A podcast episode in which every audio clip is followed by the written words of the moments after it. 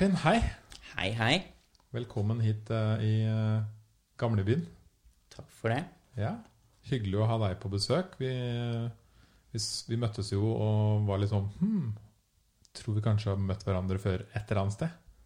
Eller sett hverandre, eller uh... Vi har vel antagelig en del felles kjente og Ja. en del felles interesser, vil jeg tro. Ikke sant? Hva er det du har uh, tenkt på i det siste? Og brydd deg om? Oi. Eh, jeg, jeg tenker på veldig mye rart. Ja. Eh, og, men akkurat helt i det siste eh, akkurat, Jeg kan jo ta helt akkurat i dag. Eh, for eksempel. Da er vi jo ganske, ganske tett på. I dag har jeg vel egentlig tenkt på litt to ting. Det ene er at jeg har lest litt av en roman eh, av, eh, av André Balzac, eh, en fransk forfatter eh, fra 1800-tallet, som jeg har fått veldig sansen for i det siste. Eh, Så han er på en måte blitt en liten fascinasjon de siste dagene, bare. Eh, Men sånn jobbmessig, da, Hva er det han skriver om? da?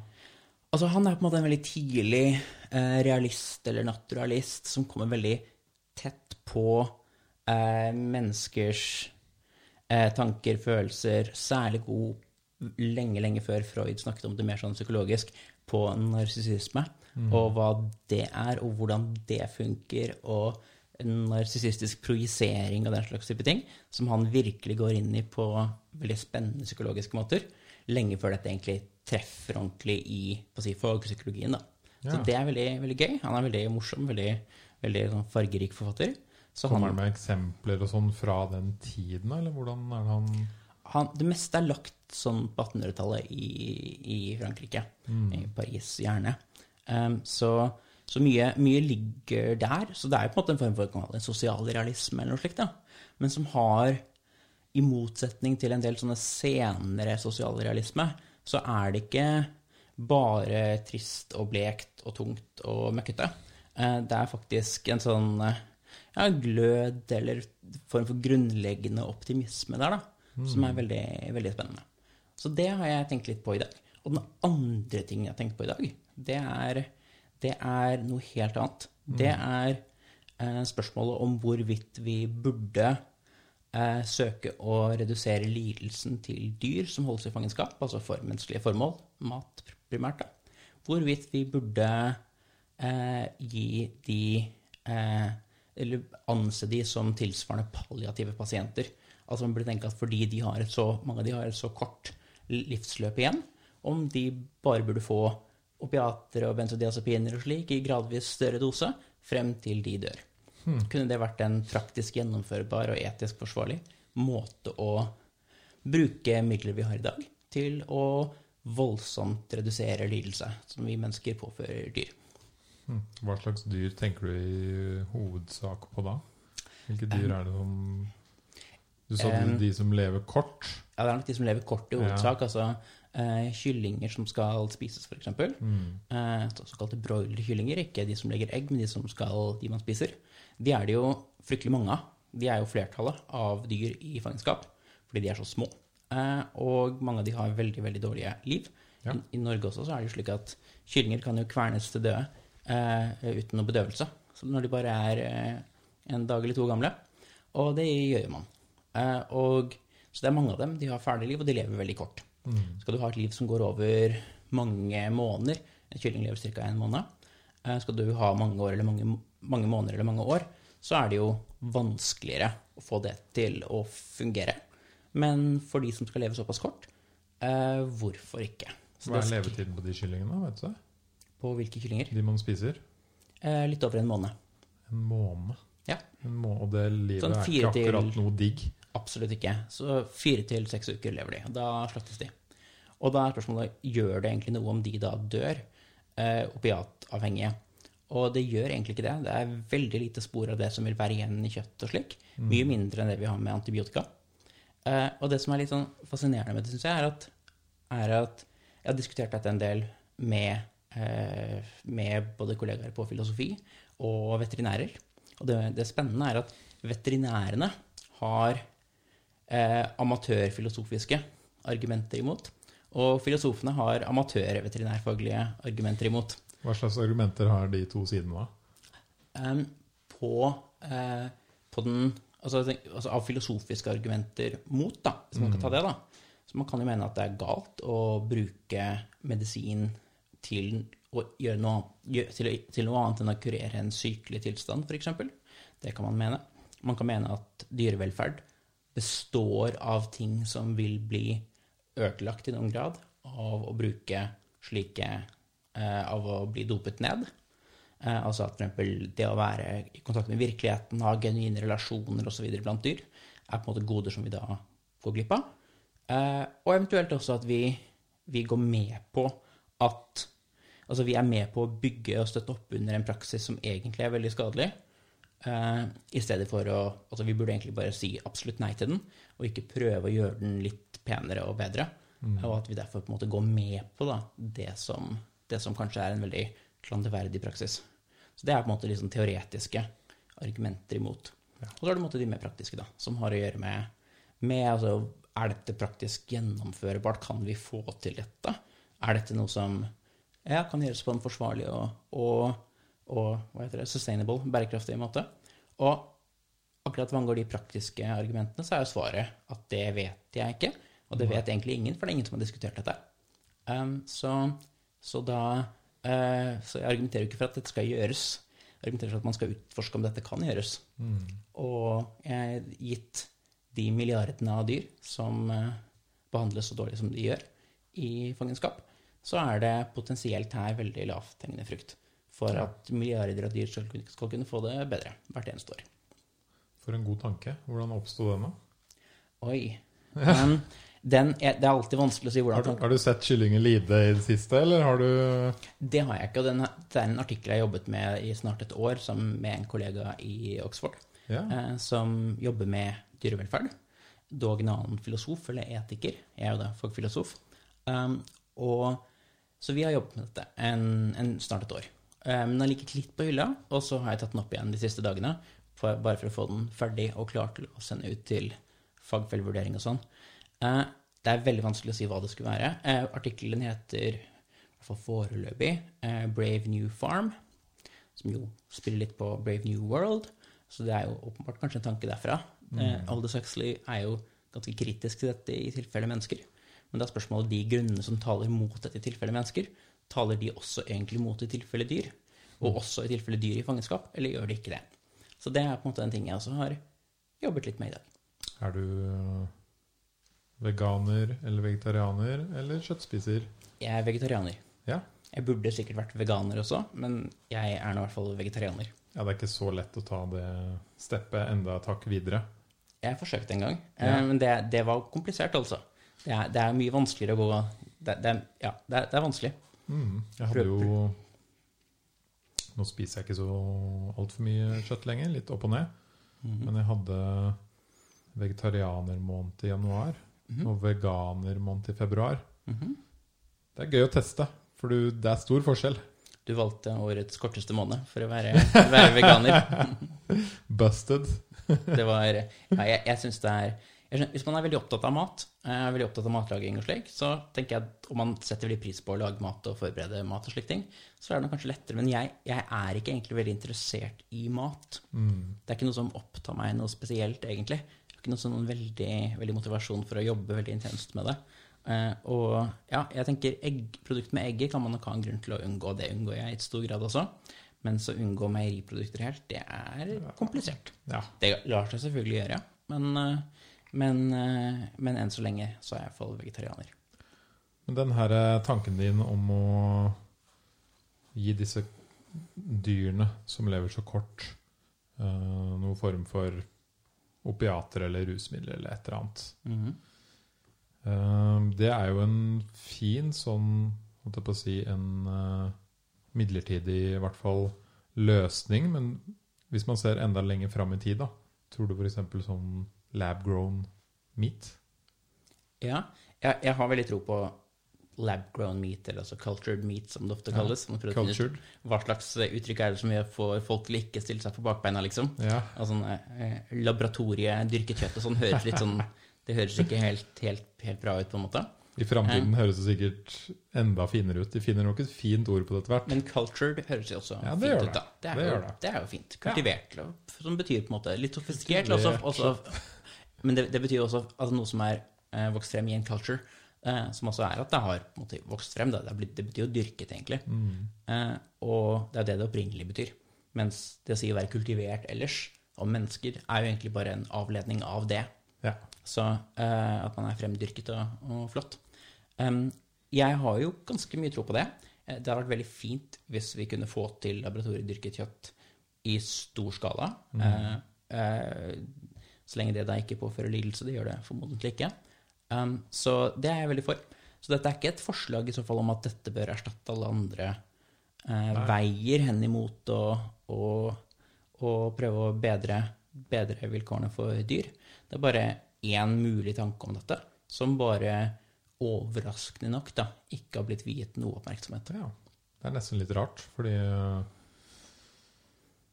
de som spesielt jobber med disse dyrene hver dag, de må jo se jævlig mye lidelse. Helt ekstremt. Ja. Det gjelder jo altså både bønder og veterinærer og veldig mange andre. Det, man ser jo veldig mye av det. Men jeg tror kanskje at man tenker at eh, Altså, folk har jo sine si, mentale bokser. Så det å på en måte knytte den, se sammenhengen der, da, mellom dyr i fangenskap og palliative pasienter, det er jo ikke en sånn åpenbar ting å tenke på. Nei. Men hvis man begynner å tenke på det, så er det spørsmålet ok, hvorfor skal ikke det palliative rammeverket for å tenke anvendes på disse dyrene? Og hvis det først skal det, hva er det som egentlig burde stoppe oss fra, iallfall i prinsippet, da, å være for dette? Mm. Spørsmålet er hva slags sopp de dyrene skal få. Eh, sopp. Jeg tror ikke vi skal få så mye sopp, altså. Jeg tror vi, jeg tror vi, jeg tror vi skal, skal holde oss på i tilfelle det, det er sånn på Beroligende. jeg, jeg, jeg, jeg, jeg tenker at det er altså, Det er jo altså, et veterinærfarmakologisk spørsmål, egentlig. Det, hvordan bør dette gjøres? Ikke noe som jeg som filosof skal ta egentlig noe standpunkt til. Og det kan jo godt hende også at det ikke finnes noen måte å gjøre dette her på. Mm. Det kan godt hende. Og da bør man jo selvfølgelig ikke prøve, hvis Nei. det ikke går. Det Men det er bare kul- at det vet vi ikke. Det er en kul uh, idé å legge ut der. Mhm. Her. Dele med verden og se hva som skjer. Ikke sant? Det er litt sånn det funker. Det er jo litt sånn det funker. Og jeg tenker jo, når man har som jobb egentlig da, å være å tenke på ting, og eh, endog er jo for så vidt betalt av staten eh, for å tenke på ting, så er det jo å ha, veldig mye fri muligheter til å bare kunne tenke på akkurat hva jeg har lyst til. Så er det jo spennende å bare kunne gå litt forskjellige veier og skrive om det, og få det ut i et fagtidsskrift. da. Litt tilbake til dette med cultured meat. Mhm. Vet du hvor langt de har kommet nå, eller? Følger du med? Nei, jeg følger ikke veldig godt med. Eh, Jeg, jeg, jeg har egentlig ikke hørt så mye fra det sånn helt i det siste. For et år siden da vi begynte med den artikkelen, så leste jeg en del om det. Eh, og, men det er på en måte det er ikke mitt spesialfelt på noen måte. altså dette med altså, Nei, nei. Kjøtt eller kunstig kjøtt. Det er liksom ikke ernæring og etikk rundt det som jeg stort sett jobber med. Men eh, det er nå ett et, et felt, liksom. Og man har jo kommet man, altså, man klarer jo å lage veldig bra kunstig kjøtt. Én ting er jo bare å lage det av planter. Planter som man jo også får til i større og større grad. Man klarer å lage en sånn blodaktig smak av rødbet, eh, som visstnok skal være Eller som er, er veldig bra. Men så kommer det jo til det å ha nettopp muskelfibre, da, og fremdyrking av det. Og etter hva jeg har forstått, så klarer man jo også veldig fint å gjøre det. Det er bare altfor dyrt å gjøre det. Ja, for det jeg husker jeg leste sist, var at eh, det er jo så mye innovasjon. da. Kosta 100 000 dollar å lage en burger Mhm. For fem år siden eller noe. Noe sånt. Ja. Og så er det nede i sånn 400 dollar eller 300 eller noe nå. Det kan godt hende. sikkert kanskje enda litt lavere nå, da. Ja. Men den der, det øker jo fort. Eller det går fort ned i pris. Ja, men det må jo gå enda et godt stykke ned. Men Det det, det, det. er nok det jeg har kanskje mest sånn håp for, da, at det vil kunne komme. Men hvor Og man kan tenke at mange steder i verden så vil jo det kanskje komme før å kunne ha den type gårder som jeg diskuterer her også. Mm. Men, og, og det er jo, da er jeg på å si absolutt, absolutt for det i stedet. Men kanskje det er et par milliarder dyr vi kan hjelpe fra den verste lidelsen ved hjelp av uh, medisiner, rusmidler. Det er en veldig fin tanke. Jeg er også veldig spent på Det jeg lurer litt på etter hvert Man forstår jo veldig mye om kjøtt og proteiner, og hva, som, hva det inneholder, og hva som skal få det til å smake digg. Mhm. Liksom, hvorfor er den derre wagyu-biffen i Japan eller et eller annet sted så god? Hvorfor den har veldig mye fett i seg. Mhm. Dette kan man etter hvert designe, tenker jeg, Absolutt. til å bli den perfekte biffen. Ja, og enda bedre kanskje også, da. Kanskje enda bedre. Det kan hende at våre liksom smaksløker og slikt er på en måte eh, veldig giret inn til akkurat å skulle liksom klare på å si, like friskt, eh, på å si, sunt kjøtt. Men det kan godt hende vi kan klare å hacke et system slik at det bare blir enda bedre også. Ikke sant? Og nå føler jeg jo vi kanskje dipper litt innom dette med sånn transhumanisme, da. Ja, Gjør vi det? Teknologi, utvikling på en måte så eh, handler jo det kan man si om transhumanisme. På en annen måte gjør det veldig tydelig ikke det. Fordi tra transhumanisme handler om å bruke teknologi til å ikke bare endre omgivelsene våre, men til å endre oss. Ja. Uh, og de aller fleste er jo tilhengere av at vi skal bruke teknologi i omgivelsene våre. Til å bygge hus eller podkaststudioer eller duker eller ja, forskjellige ting. Uh, lamper. Ting, man, ting som er rundt her. Vi, de aller fleste er for at vi skal gjøre det. Um, men så da er spørsmålet hva med på en måte innsiden av oss? Skal vi også gjøre noe der? Og der mener jo De fleste er jo tilhengere av medisinfaget. Eh, men det går jo da ut på å skulle reparere noe hvis det ikke funker, sånn som det vanligvis funker. Altså få en opp til på en måte baseline igjen etter at man har hatt dårligere funksjon et sted. Men det som på en måte er det spesielle med på si, transhumanisme, da, er jo å tenke at, at eh, kanskje selv den normale baseline-måten å fungere på for oss, kanskje den også kan forbedres. Kanskje vi kan Det er vanlig å leve en 80-90 år og så dø. Kanskje vi kunne levd mye lengre. Det er vanlig å eh, oppleve ganske mye lidelse i løpet av livet. Kanskje det, man kunne gjort ting som gjorde en mindre mottagelig for det. Kanskje normaltilstanden vår også er noe vi burde søke å gjøre noe med og løfte oppover, hvis vi kunne. Og ikke minst da, i det å kunne klare å være rasjonelle, klare å være moralske, langsiktige. Her er jo vi mennesker ganske sprø. Vi klarer jo å gjennomføre verdenskriger her og der. Vi klarer å velge Donald Trump til eh, president i USA. Vi mennesker er jo ikke helt gode. Og da er spørsmålet burde vi, burde vi søke å gjøre også noe med våre egne selv, eller våre egne sinn, da. Og mitt syn på det er jo at det er litt farlig å, ha, å bruke teknologi bare eksternt og ikke internt. For det betyr jo egentlig bare at vi, med vår ganske primitive psykologi, bare blir eh, mektigere og mektigere og mektigere, og kan få til mer og mer. Og det er jo litt Ja, så skummelt. du mener at på en måte vår psykologi, menneskehjernen, ikke sant, henger igjen da, i forhold til teknologiutviklingen? Ja, den er jo- Den er jo, Man sier ofte at vi har, vi har på en måte et, en, en syke som kommer fra sånn psykologi som kommer fra steinalderen. Så har vi institusjoner som kommer fra middelalderen. Og så har vi moderne teknologi. Eh, og de er jo da ikke laget for å håndtere, håndtere disse, disse teknologiene. Og gitt hvor si, kortsiktige og aggressive og eh, si, biased vi kan være, da, så er det litt skummelt at folk tenker at det er åpenbart at det er bra at teknologiutviklingen som gir oss mer makt over omgivelsene, bør gå videre, mens vi ikke skal gjøre noe for å på en måte bedre vår liksom moralpsykologi. Da. Så vi prøver jo delvis å gjøre det gjennom skoleoppdragelse og slik også, da. Men det er spørsmålet ha, er det på en måte, bør vi bare ha tiltak iverksatt på en måte etter fødsel? Det bør også påvirke hvordan vi er når vi blir født. Og eh, det er kjempevanskelig, men burde vi prøve å gjøre det? Hadde det vært fint om vi hadde fått til det? Eh, det tror jeg absolutt.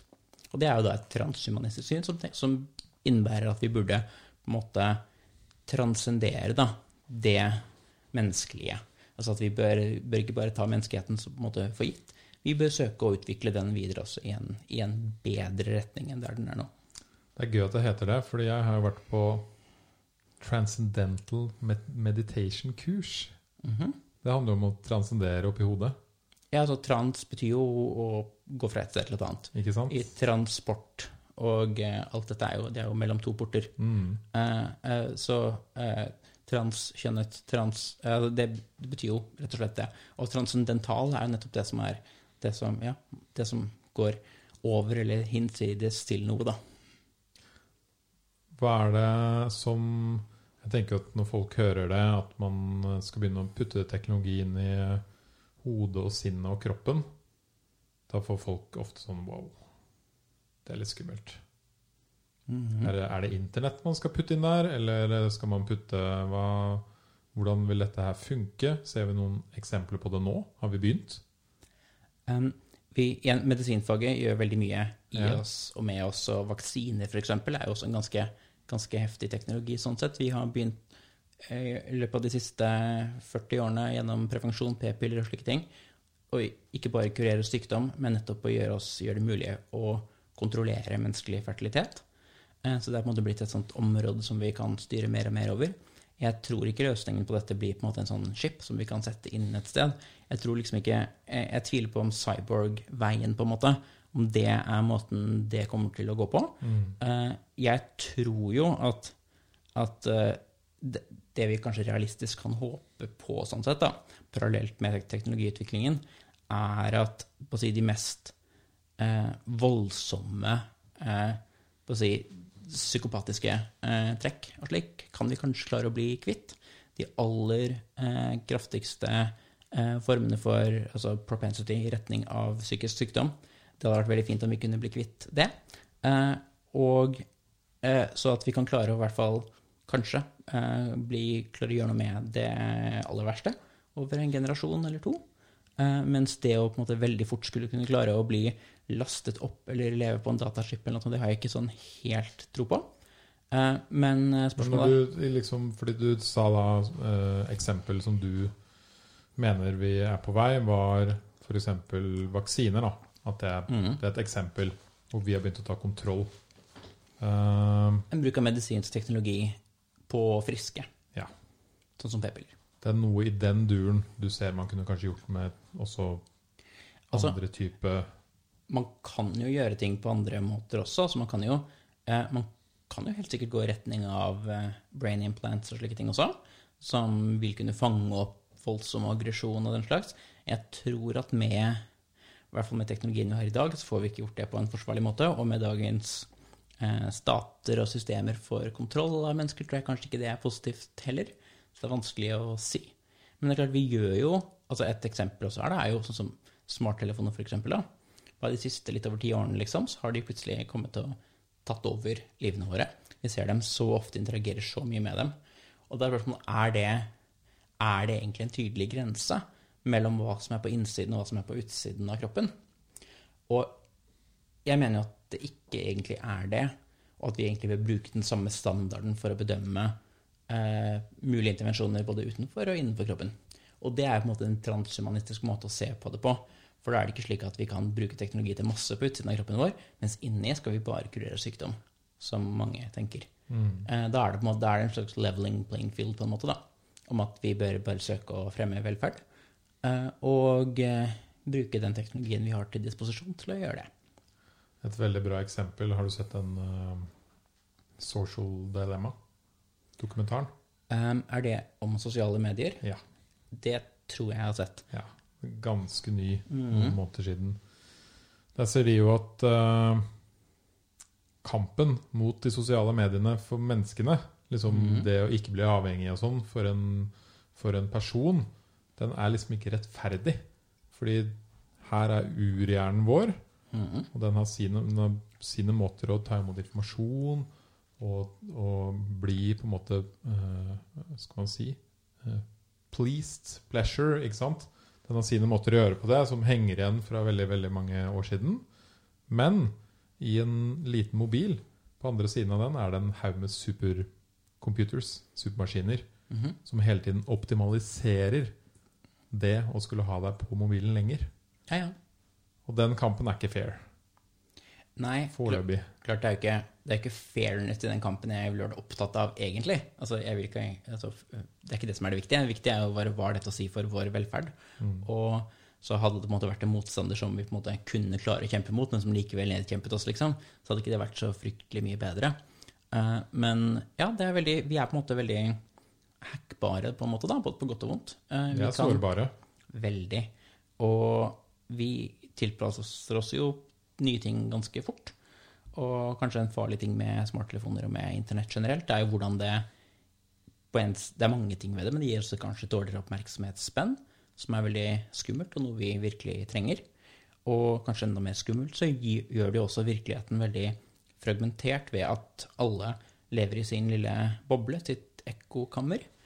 Og det gjør jo at eh, man får en radikalisering.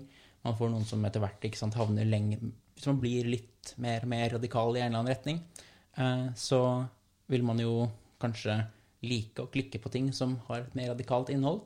Så vil jo ens hverdag når man logger på Facebook eller Twitter eller hva det er, da, eller bare andre sider også, bare gradvis gjøre eh, mer og mer radikale meninger mer og mer eh, mer og mer bare vanlige. Du bare antar ut fra din intuisjon at jo, det er jo vanlig, for dette ser jo alle på Facebook hver dag. Det er bare du som ser det på Facebook hver dag, du og dine. Men det blir på en måte skreddersydd for det. Og så vet man jo også at man får jo eh, skjermtid og klikk, altså engagement, av provokasjoner. Så det å da fremstille motparten, da, de, den gruppen du på en måte hater mest, kaste på deg hva de har sagt i det siste, og gjøre det på den på si, mest mulig fæle måten, gjør jo også at du, de kan få deg til å reagere og få deg til å se på telefonen mer. da. Så øh, jeg tror det er Jeg syns det er kjempeskummelt. Jeg fikk helt uh, Vi så den dokumentaren med en gjeng og bare Wow! What the fuck? Mm -hmm. det er skumle greier. Hva skal vi gjøre? Ja. Og det er jo, som vi sier, vi er jo så sårbare. Mm -hmm. Så alle var sånn Nå skal vi roe ned med sosiale medier. Så tok det en uke. Og så er man liksom litt innpå der igjen. Mm. Det er ikke lett. Det er jo ikke det. Og det blir jo veldig, det blir jo veldig vanskelig etter hvert å klare seg uten en smarttelefon også. Jeg har en, en ikke-smarttelefon også. Jeg har to telefoner. Så en hvis jeg skal dra et eller annet sted og bare jobbe, og jeg må være tilgjengelig på telefonen Hvis noen skal ringe meg, så må jeg på en måte være der. Men som ikke kan noe annet enn å sende SMS, da. Jeg har en slik. Men jeg, opp, så, men jeg, jeg merker jo mer og mer at nå er jo ikke sant, eh, Ruter-appen for billett, den er der alt annet man skal finne ut. Reisevei, det er der. Jeg skal lytte til et eller annet på radio, en podkast, musikk, det er der. Veldig mye er jo bare på den smarttelefonen. Så det er vanskelig å måte klare seg godt uten. Men uh, man bør jo lage på si sfærer og tid og slikt, der man ikke er koblet på. Og prøve å være bevisst hva de gjør med en. da. Det er veldig vanskelig. Det er veldig gøy i dag når du sier det. Merka hvor uh hvor avhengig vi er av den teknologien rundt oss i dag. Jeg hadde en annen podkast-gjest i dag tidlig. Han skulle mhm. komme klokka ti. Og så uh, fikk jeg mail ti på ti. Hei, sønnen min har uh, klart å tatt mobiltelefonen min med på, i, på barneskolen. Så jeg er helt Han bare Jeg vet ikke hva jeg skal gjøre. Jeg vet ikke hvordan jeg nesten kommer meg til deg, ikke sant? Uh, så sa jeg nei, jeg hva, hva, tenker du å gjøre? Nei, jeg måtte kjøre da, og hente mobilen, og så komme hit. Mm -hmm. Og samtidig så er jeg, jeg, Og her har det også skjedd noe, fordi de har skrudd av vannet i tre timer. Mm. Og det var jo sånn Akkurat da satt jeg med liksom makrell i tomatsøle på henda. Og hadde trent, så jeg skulle dusje. Og bare sånn Ja. ja. Dette blir ikke lett. vi, vi, er jo veldig Vi blir veldig sårbare uh, for teknologien rundt oss. da. Vi må på en måte bare ha det, ellers så klarer vi ingenting. Og det gjør jo også at hvis ting skulle klappe sammen litt, da, en, enten måtte være gjennom altså en elektromagnetisk puls eller et eller annet som slår ut mye teknologi over et område over lang tid, eller eh, andre omveltninger som gjør at vi ikke har dette, da, så er vi jo Klart vi mennesker klarer å tilpasse oss, det gjør vi jo, men vi, det kan ofte ta ganske mye tid før vi får til det, så vi blir jo sårbare av å på en måte måtte ha veldig mange ting for å ha det bra og for å fungere. Det er jo en sårbarhet å på en måte være avhengig av at så mange ting skal holde for at ting skal være greit. Det er jo en, kanskje en ting som, ja, en del filosofer, stoikere og, stoikere og slike ting, har jo nettopp argumentert for at, for at det er skummelt å bli avhengig av for mye. For da, hvis bare noen få ting klapper sammen, så klapper man selv sammen. Ja. Og det er jo da litt dumt å være La sin egen lykke og fungeringsmåte være avhengig av såpass skjøre ting da, som vi noen ganger gjør, det, en, gjør oss avhengig av. Ikke at jeg er noen ekspert på dette her sånn selv, jeg hadde slitt, jeg, tror jeg, uten mobiltelefon, men jeg er nok likevel såpass Jeg husker jo godt tiden uten mobiltelefon og slik. Så eh, jeg Og jeg kan fint klare meg en stund uten det, men de som nå liksom er i mot slutten av tenårene, da Jeg er 35 for min del. Hvor, hvordan han hadde de klart seg uten en smarttelefon? Jeg vet ikke. Og nesten enda skumlere også er jo at det at så mye skjer i smarttelefoner, gjør også at jeg vet veldig lite, egentlig, om måte kulturen blant la oss si 18-19-åringer i Norge. Fordi Før så var det mer en sånn enhetlig offentlighet, hvor vi på en måte så hverandre. Men nå er vi på en måte i hver vår. Så hva er det egentlig som beveger seg blant 18-19-åringer i Norge? Jeg må vel si at jeg ikke egentlig føler at jeg har en sånn spesielt godt inntrykk av hva det er. Jeg vet egentlig ikke. Og det, og det er jo litt sånn småskummelt. Hva tror de om hva tror de om oss i 30-årene? Hva tror de om folk som hva, hva, Hvordan ser de på verden? Hvordan ser de på, på konflikter som skjer nå? Hvor, hvor er de? Kanskje de er på et mye bedre sted enn oss? Kanskje de er langt mer opplyste enn vi er? Men uh, ja, jeg føler bare at det er, Kanskje de ikke er det. det er godt mulig. Kanskje de er veldig disconnecta fra på en måte realiteten og naturen og får sånn mikroinformasjon hele tiden, hele dagen. Men du får liksom kanskje ikke det store bildet. da. Kanskje. Eller, Kanskje. Det kan være, eller som jeg kanskje mistenker litt, er at det egentlig ikke finnes noen sånn sett ungdomskultur som er helt entydig, men at den også er mye mer fragmentert og går i mange flere forskjellige retninger Tipper. enn den gjorde før. Slik at det er et mye større spenn, da, kanskje, i hva en 18-åring tenker og mener og tror at det er normalt. Og klart, Å Ha et vidt spenn i hva folk tenker, er jo i utgangspunktet fint. Det, det kan jo være veldig verdifullt, det også. Men det kan jo også definitivt være konfliktskapende. Jeg kan jo se for meg de problemene hvis man tar enda yngre, da, når man er 14. Jeg tror folk, eh, kids begynner å få nesten mobiler som når de er 10 og 12 og kanskje litt yngre til og med nå. Kan godt hende. Jeg tenker på en måte de problemene man hadde da, f.eks. rundt mobbing og rundt uh, depresjon og sånne type ting, det må være en helt annen type verden nå, hvordan det funker. Ja, men det, det er ikke sikkert at Altså, jeg, jeg, jeg, vet ikke, men det er ikke sikkert det er så mye, mye verre. Nei, det det Eh. Det kan godt hende det er bedre, og ikke minst det flotte med teknologi, at det gjør det mulig å connecte med folk som har litt like interesser og tanker og ønsker som en selv. Så for veldig mange minoriteter så jo, har jo teknologi vært et kjempegode. For du kan på en måte finne liksom, de, de tre andre i bygda liksom, som også liker et eller annet, og da kan du henge med dem. Det er å være på et lite sted hvor det kanskje ikke er nok. Eh, men, men det gjør det jo mulig å finne folk som man ellers på en måte ikke ville ha funnet. Eh, så teknologi der også er jo veldig verdifullt. På hvordan hadde mitt liv egentlig vært hvis ikke internett hadde fantes? Hvilke mennesker i livet mitt er det jeg ikke hadde møtt? Hvor mye er det som hadde vært annerledes? Fryktelig mye. Veldig mye. ja. Helt ekstremt. Det er, og det er veldig mange goder også, da, som, som står Altså som kommer av dette. Og vi må jo være forsiktige, selv om vi, vi har jo nesten tatt en litt sånn teknologi Ikke konservativ, men vi har jo tatt en litt sånn Vi er litt bekymret for dette her. Uh, og men man, man må jo ikke være Man må jo ikke ha så konservative premisser til grunn for, som man legger til grunn for vurdering av teknologi. At man, hvis man på en måte flyttet 50 år tilbake, da, ville vært imot utviklingen av teknologier som vi per i dag er glad for at ble utviklet. Da kan vi på en måte bli for konservative igjen. Um, Ja, det er en balanse. det er det. Men det er klart, ja, ja, jeg, jeg, det er også eh, kanskje et viktig poeng, da, at det å være en transhumanist betyr ikke å mene at ting bare kommer til å gå veldig fint og bra. Eh, Det er en tanke om hva vi bør prøve å få til, ikke en tanke om hva som faktisk kommer til å skje. Det er en tanke om altså, hva, hva hadde det vært bra om kunne realiseres, hvor er hva er det vi burde sikte på. Det er ikke en tanke om at dette kommer til å gå veldig fint, eller vi kommer uansett til å bare gå bra. Det kan godt hende vi mennesker kommer til å klare å utslette oss selv i løpet av en generasjon eller to.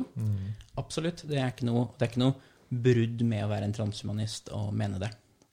Men uh, du snakka jo om uh, vaksiner og sånn i stad. Har du noen på en måte uh, andre, litt kulere, moderne eksempler, sånn som vaksine? Som vi gjør nå med kroppen vår og hodet vårt for å liksom bli litt nærmere og komme Altså ta igjen teknologien.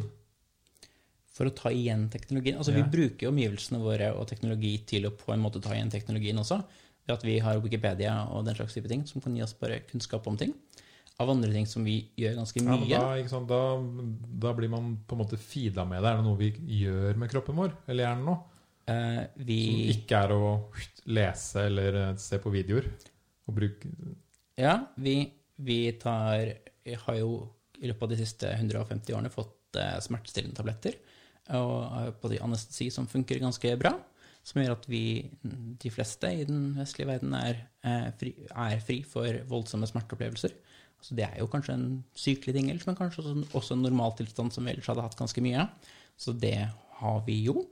Eh, jeg er det noen spesielle ting du har i tankene som du måtte prøve å lede meg mot? Jeg bare Nei, jeg er bare kjempeinteressert i å høre om det er noe sånn uh, Ikke sant uh, Som er utbredt, eller som kan, kan gjøres? Som kan gjøres.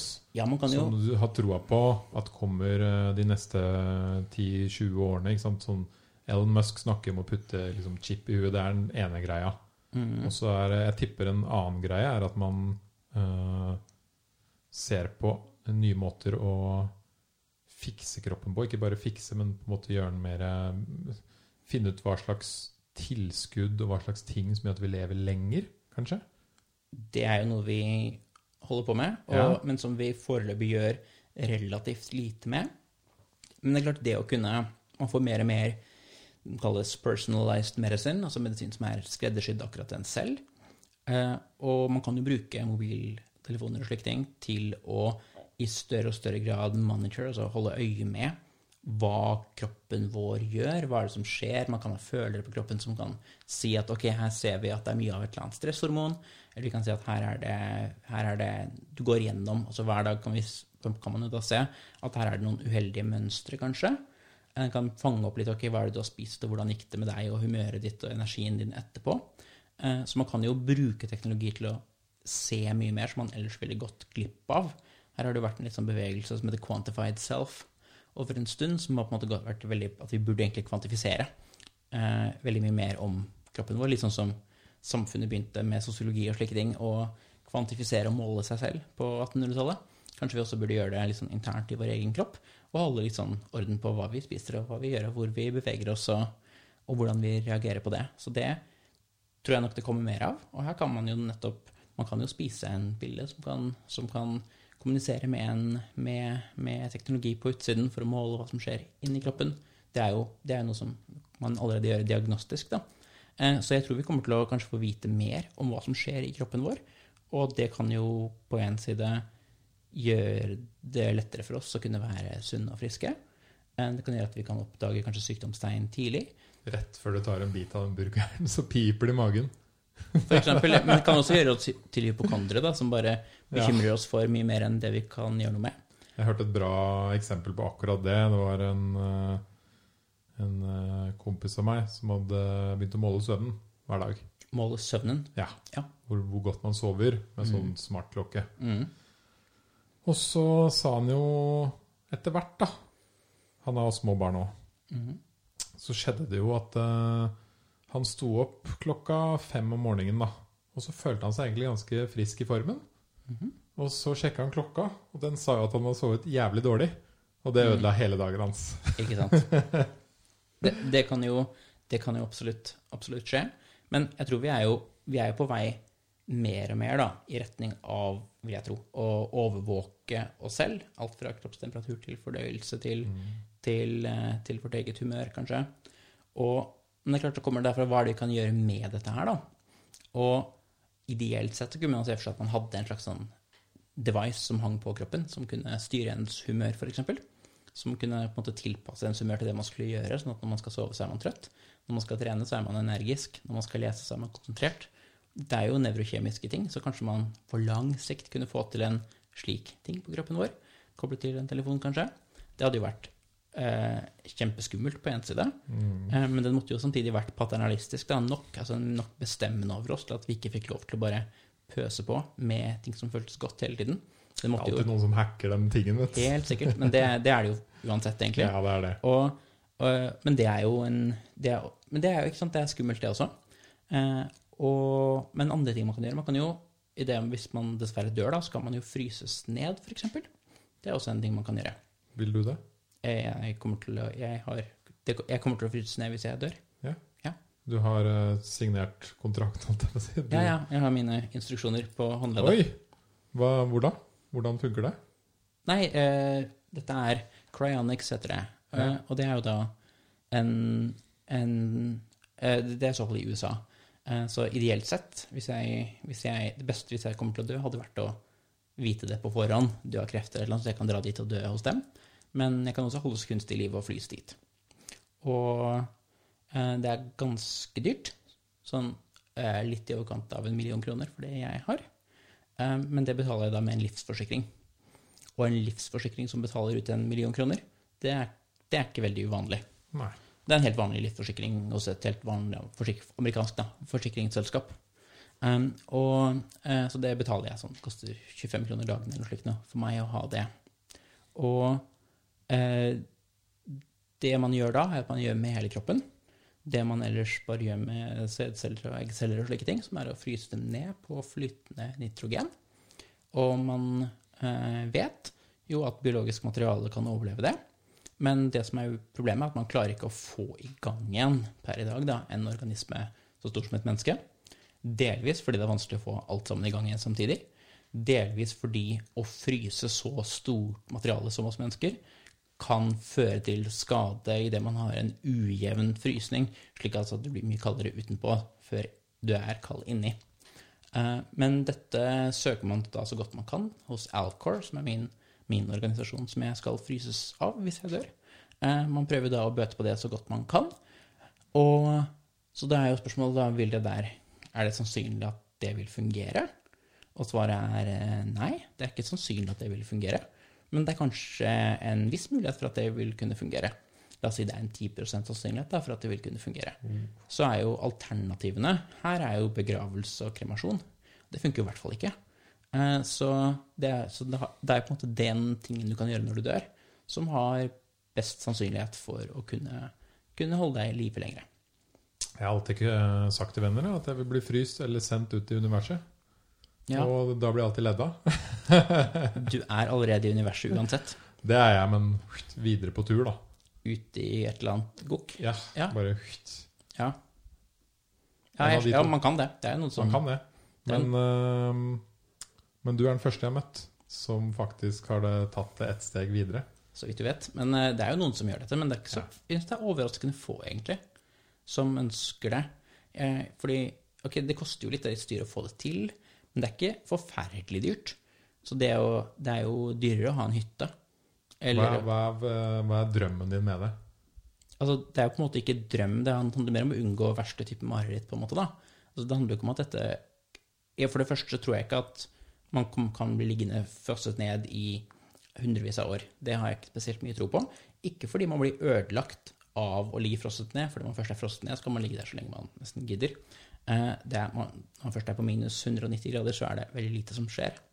Men altså politiske forhold og slike ting tenker jeg at over flere hundre år så skal det mye til at dette vil kunne holde. Men, eh, men eh, det har jo skjedd Tenk på hva som har skjedd innenfor medisinen da, de siste hundre årene. Helt ekstremt hvor vi er i dag i forhold til ja, i 1920.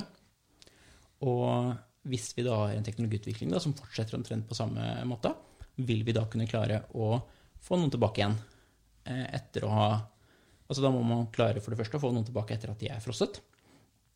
Eh, det klarer vi mest vi har klart, det er dyrs nyrer og slik kan vi klare å få til å funke igjen etter at de er frosset helt. Eh, og da, som er mye, mye mindre. Men da må vi klare det med hele personen, og så må vi jo selvfølgelig klare å få få helbredet personen for det som, som han eller hun døde. døde av, da. For ellers er det ikke noe poeng hvis du bare dør igjen umiddelbart, liksom. Så, men vil vi kunne få til det? Kanskje. Jeg vet ikke. Det er veldig vanskelig å angi det. Men jeg har skrevet en artikkel om dette som heter The Case for Cryonics, som kom ut i et tidsskrift som heter Journal of Medical Ethics for et par år siden. Så det kan jo folk lese hvis de har lyst til å lese ja, min litt sånn vurdering av, av hvorfor jeg tenker at dette er en, er en, forsvarlig praksis. Det folk ofte tenker og lurer på litt sånn da, men hva, hva med sjela di? Hva tenker ja. du om det? Hva, hva, hva, tenker du om sjela? Det som ja. liksom er deg?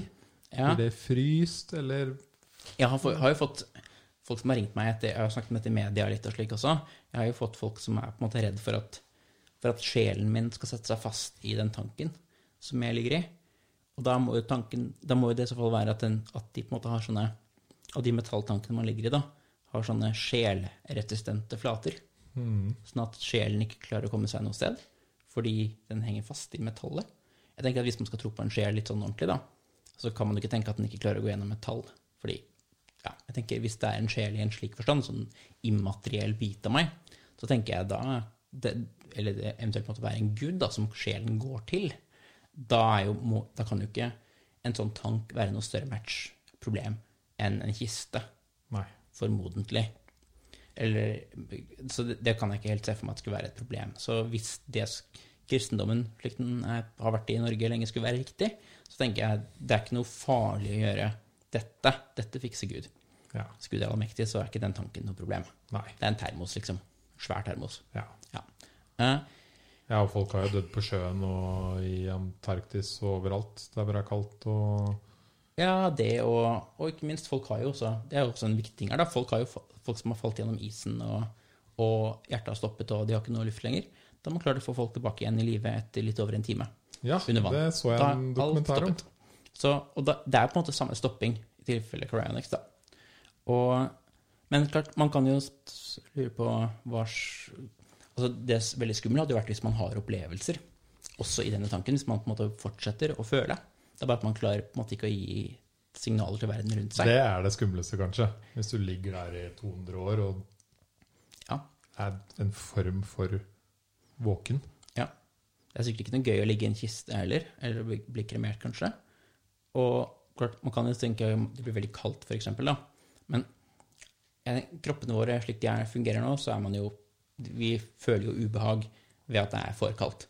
Men eh, sånn alt i alt, liksom, i forhold til universet som helhet, og hvordan det meste av materie har det, så har vi det jo relativt varmt. Eh, vi er jo Det kan bli veldig mye kaldere enn dette, liksom. Så, så eh, Ja, men du, du spurte hva, hva, med sjelen, på en måte. Og hvor Eller bevissthet, kanskje, da. Bevissthet. Ja. Ja. Og hvordan det passer inn i verden vår, da. Har du noe syn på det, forresten? Jeg syns det er et uh,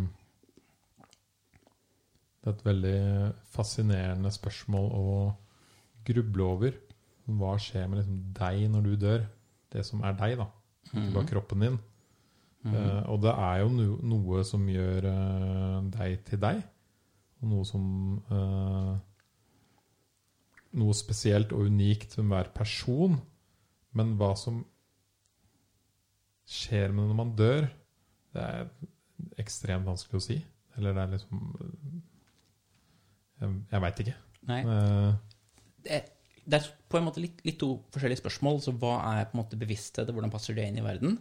er jo et relatert spørsmål, men likevel et distinkt spørsmål i forhold til hva skjer når vi dør. Fordi du kunne jo, liksom uavhengig av hva slags syn du har på bevisstheten, tenke at et eller annet bestemt skjedde når vi døde. Eh, Så du kan jo tro på reinkarnasjon, eller på en himmel eller helvete, eller på en, ja, at man kommer til en gud, eller at det er ingenting. På en måte litt uavhengig av hvilket syn man har på, måte bevissthetens plass i, i verden, da. Men det er på en måte, man kan tenke at det er, jeg tenker at det er fire liksom, hovedsyn da, som man kan ha på det, på bevissthetens plass i verden. Og det med bevissthet, da, så mener jeg kanskje ikke personlighet, men jeg mener um, det at uh, det finnes subjektive opplevelser. Jeg nå, når jeg ser deg, når jeg sitter her, så føles det som noe å, å oppleve verden. Jeg ser ting, jeg føler ting. Jeg, jeg, det føles som å være meg. Og det er veldig rart at det kan finnes i en materiell verden. Denne subjektiviteten. Og så spørsmålet om bevissthet er spørsmålet hvordan passer det inn i verden. Og en mulighet er jo at subjektiviteten vår og bevisstheten vår da er en illusjon. Så den passer egentlig ikke inn i verden. Vi tror vi er bevisste selv om vi ikke egentlig er det. Som kalles eliminativisme, som er en teori som eliminerer eh, bevissthet fra på en måte å skulle passe inn i verden et eller annet sted. Og det er alltid fint hvis du skal slite med å få en ting til å passe inn. Så at den finnes egentlig ikke. Da slipper du å få den til å passe inn. Så det, man kan være en eliminativist. Eller man kan være en, hvis man tror på en sjel, da, være en dualist. En dualist, altså en tro på to ting, som mener også at det finnes materie. Og det finnes i tillegg til det bevissthet, som er immateriell. Så der er det på en måte slik at hjernen vår og slikt, og kroppen vår, den er noe fysisk og går rundt i verden, men selve vårt er da egentlig noe utenfor, utenfor det, som er helt immaterielt. Og da får man en del problemer med hvordan er det måte den sjelen samarbeider med hjernen vår. Kommer det liksom, Kommuniserer den ned, og så kommer det signaler opp? Eller hvorfor, ikke minst, hvorfor blir den med oss rundt når vi går? Hvis den var immateriell, så hadde den ikke trengt å bevege seg med oss heller. Så man kan mene det. Eller man kan mene det som kanskje de fleste mener i dag, er jo at, er jo at bevisstheten kaller emergerer fra materie. Så man tenker at på lik linje med at, at, den, at det kommer lys ut av en lyspære, f.eks. Så det er slik at hjernen vår, idet den er på en viss måte, så gir den opphav til bevissthet. Eh, og det kan man jo altså mene, og det er jo et mulig syn også, men da er det et spørsmål hvordan Hvis man er en ren materialist, da mener at det er på en måte bare materie som finnes, som ikke har noe bevissthet i seg i det hele tatt, så spørsmålet hvordan kan den gå sammen og skape noe som er kvalitativt så annerledes og så nytt, da, som bevissthet synes å være, sammenlignet med atomer da, som klikker inn i hverandre. Eller man kan til slutt være en panpsykist, som mener at bevissthet finnes i noen forstand overalt i verden, og at det vi er, da, er på en måte en integrert og samlet form for bevissthet.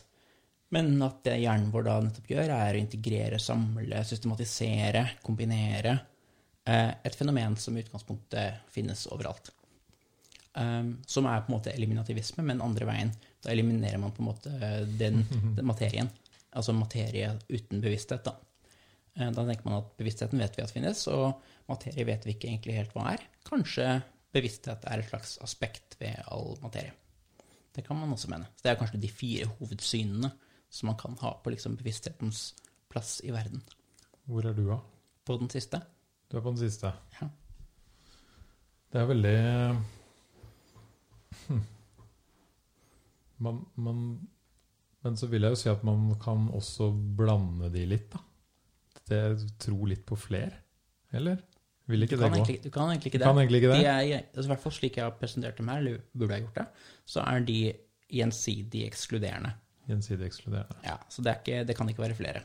Um, du kan jo Du kan jo du kunne, Jeg kunne, kunne se for deg en slags miks som hadde vært appellerende. Det i hvert fall jeg eh, tenker om det, er at jeg har jo eh, utforsket med f.eks. en del forskjellig plantemedisin Mhm. som har gitt meg an, andre syn på livet. At det fins noe, kanskje noe mer Mhm. enn akkurat her vi sitter nå. Urtete, tenker jeg. Ja. Eller hva er det slags Ja, Ja. nei, du har plante, Plantemedisin har gitt, bedre, gitt andre syn på verden. Ikke sant? Det kan det gjøre. Og der har jeg jo opplevd eh, det at jeg absolutt ikke har vært til stede i min kropp, men har vært til stede Mhm. et eller annet sted Ok, ja. utenfor kroppen. -hmm. Eh, og veldig bevisst. Mhm. Og det er på en måte Det har gjort at jeg eh, Og det har jo skjedd flere ganger, og det har skjedd med flere mennesker. Andre enn meg. Eh, og det har jo gitt en et ganske annerledes syn på det med bevissthet enn det jeg hadde før. da. Det har jo gjort det selvfølgelig litt mer komplekst og litt mer morsomt. Eh, og det havner vel kanskje på det du kalte for dualisme, var det det? Ja, dualisme blir at det finnes to forskjellige ting. Ja. Så, og eh, som er hvor den ene ikke er reduserbar til den andre. Så at verden har på en måte to sånne bestanddeler da, som er grunnleggende forskjellige. Det materielle og det bevissthetsmessige. Og det føler jeg passer veldig godt inn, mm. egentlig. Ja, Eh, det er jo det tradisjonelle kristne synet også. Ja. At du på en måte har denne sjelen i tillegg. Som ikke er materiell, og som ikke er reduserbar til det, men som på en måte finnes og kan egentlig da eksistere helt uavhengig av, av det materielle og flyte rundt. ja, for det har jeg gjort. Mhm. Eksisterte uavhengig av min egen kropp. Ja, Og flytte rundt. Ja, ja, men du, ja, du, du har jo hatt opplevelser. Du har, du har hatt opplevelser som ikke har, hvor du ikke har opplevd å være knyttet til din egen kropp. Og det tenker jeg, det kan man nok fint gå med på uansett hva slags Jeg tror ikke, Ja. jeg tror ikke den typen av opplevelse som det egentlig eh, sier så veldig mye om hva slags syn på bevissthet som er riktig. Jeg tror det er kompatibelt. Nå vet jeg ikke hvordan din opplevelse var. Med, eh, Kompatibelt med alle. de fleste, ja. Eh, Det er kanskje vanskelig å ha det kompatibelt med eliminativisme om bevissthet. Mm. Eh, altså tanken om at bevissthet ikke, ikke egentlig finnes. Jeg mener det, det er Det er ikke helt det, er- det, er- det er helt, det mener jeg, mener jeg er et helt spredt syn, mm. som benekter det helt åpenbare. Så det vet jeg ikke engang helt hva de som sier det, mener med, egentlig. Fordi hvis de mener at de ikke har bevissthet, da, så jo Så skjønner de kanskje heller ikke det begrepet bevissthet. Hva er det de, er det de egentlig benekter? Eh, det har jeg, har jeg, sliter, jeg, jeg sliter veldig med. Det er en del smarte folk, eh, Patricia Churchill og Daniel Dennett, som står for dette synet her. Eh, men det, det, det får så være. Jeg tror kanskje at, at den type opplevelser du snakker om, kanskje er vanskelig å kombinere med eliminativisme. Men om man er en, dual, en dualist eller en panpsykist eller en emergentist, tror jeg ikke tror ikke det er så lett å skille mellom de Nei, akkurat på det. Jeg tror det det kan er, godt være. og så er det nok ganske lett også å få litt bekreftet det man går inn i det med. Og for det sier jo veldig mye om hvordan man legger egentlig grunnen da, for hvordan man tolker det, og hva man leser inn i det og slik. Så eh, en del plantemedisiner kan nok klare å ja, gi en det man på en måte ser litt etter, da. Selvfølgelig. Det er godt mulig. Uh, nå var ikke jeg på jakten etter sjela mi, men uh, Det kan det hende du var. Ja, det kan hende. Hvem vet? Kanskje det var nok en viktig beskjed inni der. Men det er jo um, uansett utrolig Ja, som sagt, du er den første jeg har møtt som vil, uh, som vil og skal fryses, som har i hvert fall sagt det. Mhm. Utenom meg, da. Jeg har sagt det, men jeg har ikke gått like langt som deg. Nettopp. Det kalles ofte cryocrastination. Som er, eh, er å ville fryses ned hvis man, man dør, men man gjør ikke egentlig noe med det. Man bare går kan og tenker. si det. Man sier det. Ja, og, det, og man kanskje vil det også. Mm. Men det er klart, hvis man først blir alvorlig syk, så får man jo ikke tegnet en livsforsikring, livsforsikring lenger. Nei. Så da er det, man, da er det for sent. Med mindre man er veldig rik, da. Da, da får man løst mye. Ja, ja, men, ja absolutt. Og det, det kan jo gå, men det kan også være vanskelig selvfølgelig hvis man må gjøre noe veldig fort. da, Og få liksom kapital omgjort til penger som eier en leilighet, f.eks. En bil, eller hva det skal være. Kan være vanskelig å få det, få det over til å bli penger kjapt Ok, nok. men si, da skal jeg prøve å spørre deg enda en gang til, da. I et slags drømme, eller si et sånn morsomt drømmescenario i ditt hode. Mm. Hvor mange år fram i tid ville du blitt vekka opp? Hva hadde vært kult? Jeg har jo egentlig ingen preferanse med hensyn til hvor, hvilket år jeg skal vekkes opp, eller hvor lang tid det skal ta. Men jeg har jo noen tanker om hvordan verden jeg da kommer til, skal være. Det har jeg. Men jeg har noen Jeg, blåser i om det er 50 eller 100 eller 150 år. Eh, bortsett fra at det hadde vært fint om folk jeg er med og er glad i nå, eh, også var der. Litt sånn trist å bare måtte begynne helt på bar bakke og mye sorg og bearbeide slik hvis alle var borte. Så det er nå én ting. Eh, så det gjør at man kanskje ville ønske at ting ville gå ganske kort. Eller at andre også fikk mulighet til å forlenge sine liv, da. Eh, la oss si vi hadde fått til det. Så kunne det gått lang tid uten at det egentlig hadde gjort noe med hensyn til tap av relasjoner. Men jeg håper jo for så vidt Altså rent ultimat sett så håper jo jeg at vi skal klare å etter hvert skape en verden, en jordklode iallfall i første omgang, der det ikke finnes lidelse mer i det hele tatt. Der verken mennesker eller dyr opplever noe som føles vondt, uten at de eventuelt vil det selv. Eh, og at vi kan skape en verden med ja, eh, bare bliss. Så jeg er en etisk hedonist som mener at det er glede som er det lykke, som er det eneste som er godt i seg selv. Den opplevelsen, følelsen av lykke eller nytelse. Etisk hedonist. Jeg er en hedonist, ja. Ja. Um, så Forklar litt hva det, hvordan en gang til. altså, en hedonist mener at eh, ting eh, er eh, gode, enten i kraft av å være nytelsesfulle, eller alternativt i kraft av å bidra til nytelser på lang sikt. Så slik hedonister ser det, så er det altså bare eh, nytelse og lidelse som er de ultimate tingene som betyr noe. Alt annet som betyr noe, betyr noe i kraft av hvordan det har påvirkning på, eh, på eh, nytelse og lidelse. Enten nå eller i fremtiden, eller for en selv eller for andre, eller for andre vesener. Så det er på en måte det som er på en måte den ultimate det en benefit da, på en måte består av, er på en måte den følelsesopplevelsen. Jeg tror antagelig det er en riktig teori. det tror Jeg Jeg skrev doktorgraden min for mange, år siden om akkurat det, hvor jeg tok til orde for at hetonisme antagelig er riktig.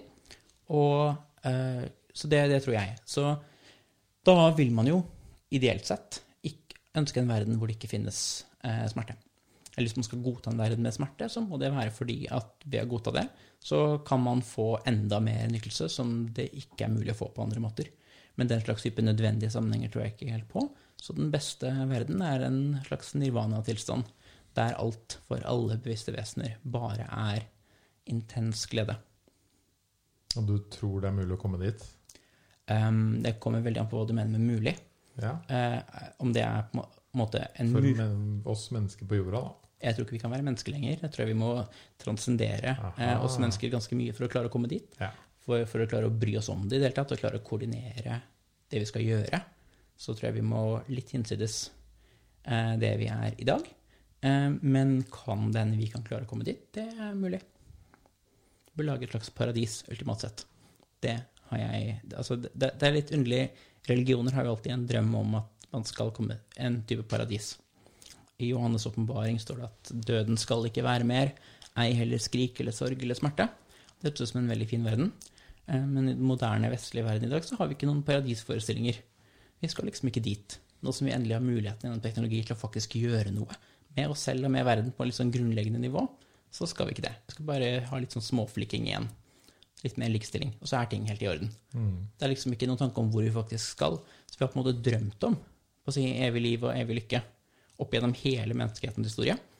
Og kunne vi bare ha klart å komme dit, liksom? Og så endelig har vi litt av verktøyene for det, og da skal vi ikke prøve engang. Det syns jeg er litt underlig. Ja, for nå er det jo veldig mye destruktivt da, som skjer rundt i verden. Og så er det jo Eh, veldig ja, mye bra òg. Det er veldig vanskelig å måle. Det er si. utrolig vanskelig å måle. Men uh, verden, jeg er jo på en måte positiv til mye av det som skjer i verden, i den forstand at vi har en utvikling som går gradvis fremover. Vi har gradvis bedre levestandard. Vi har gradvis mindre voldelige. Altså ting, de, store trendene er jo på å si over mange tiår positive. Dog litt Det er ganske mange Det er vanskelig til når er det man skal tenke at man har gått på en skikkelig bump i veien, liksom. Og når er det eventuelt at man har snudd? Det er ganske vanskelig å vite. Men, eh, men jeg er nok litt optimistisk enn så lenge. Men vi får se hvor, hvor vi er om 10-20-30 år. Ja. Det er skummelt. Sånn jeg ser på mennesker nå, er at vi vi må gå på smeller for å lære. I hvert fall foreløpig. Ja. Som det er i dag. For så vidt. Ja. Eh, Vi, vi, ja, vi, vi endrer i hvert fall atferd da. Da lærer vi at dette ikke funka. Ja. Men det hadde vært supert hvis vi kunne unngå de smellene. Hvis de smellene innebærer at hundretusener av mennesker dør og slik, så hadde det vært fint å kunne unngå dem.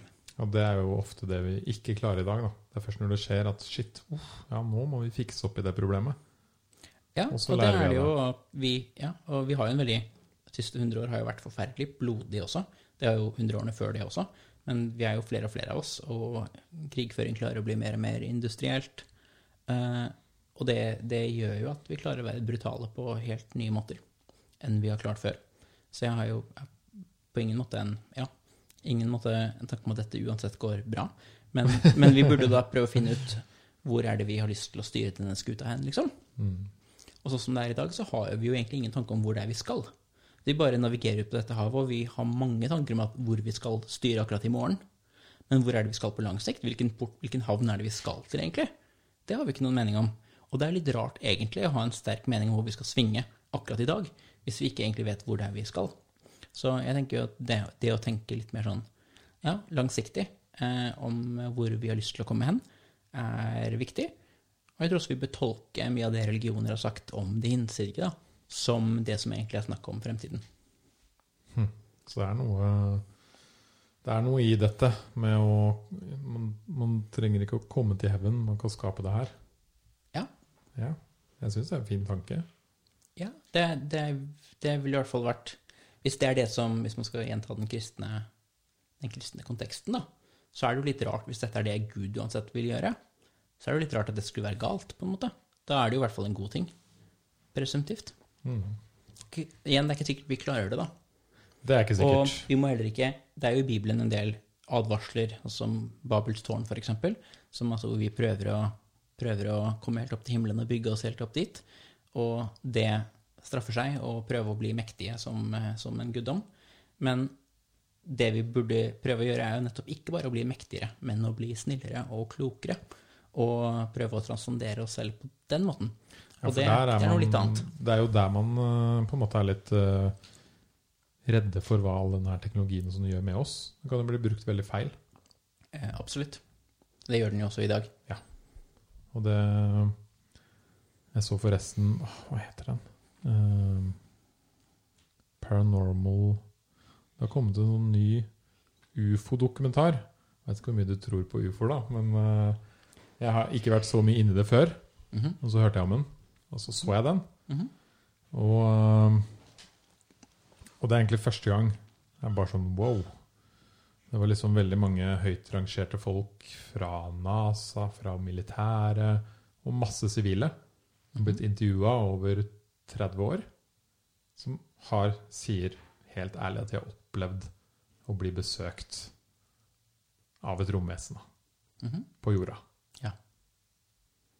Og eh, så var det sånn Ok, ja.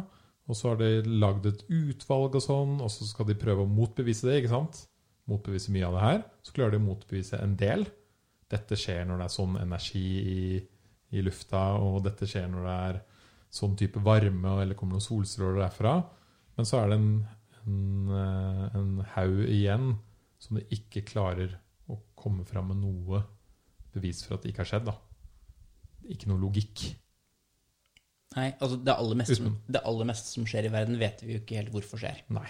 Vi jo, Men- selv meteorologien er jo ganske dårlig noen ganger, så det skjer jo veldig mye som vi ikke vi vet om. Så, så Det gjør det. Men, men med, jeg, jeg Altså, om det finnes romvesener er jo et, altså, Det finnes jo åpenbart romvesener. Vi er romvesener.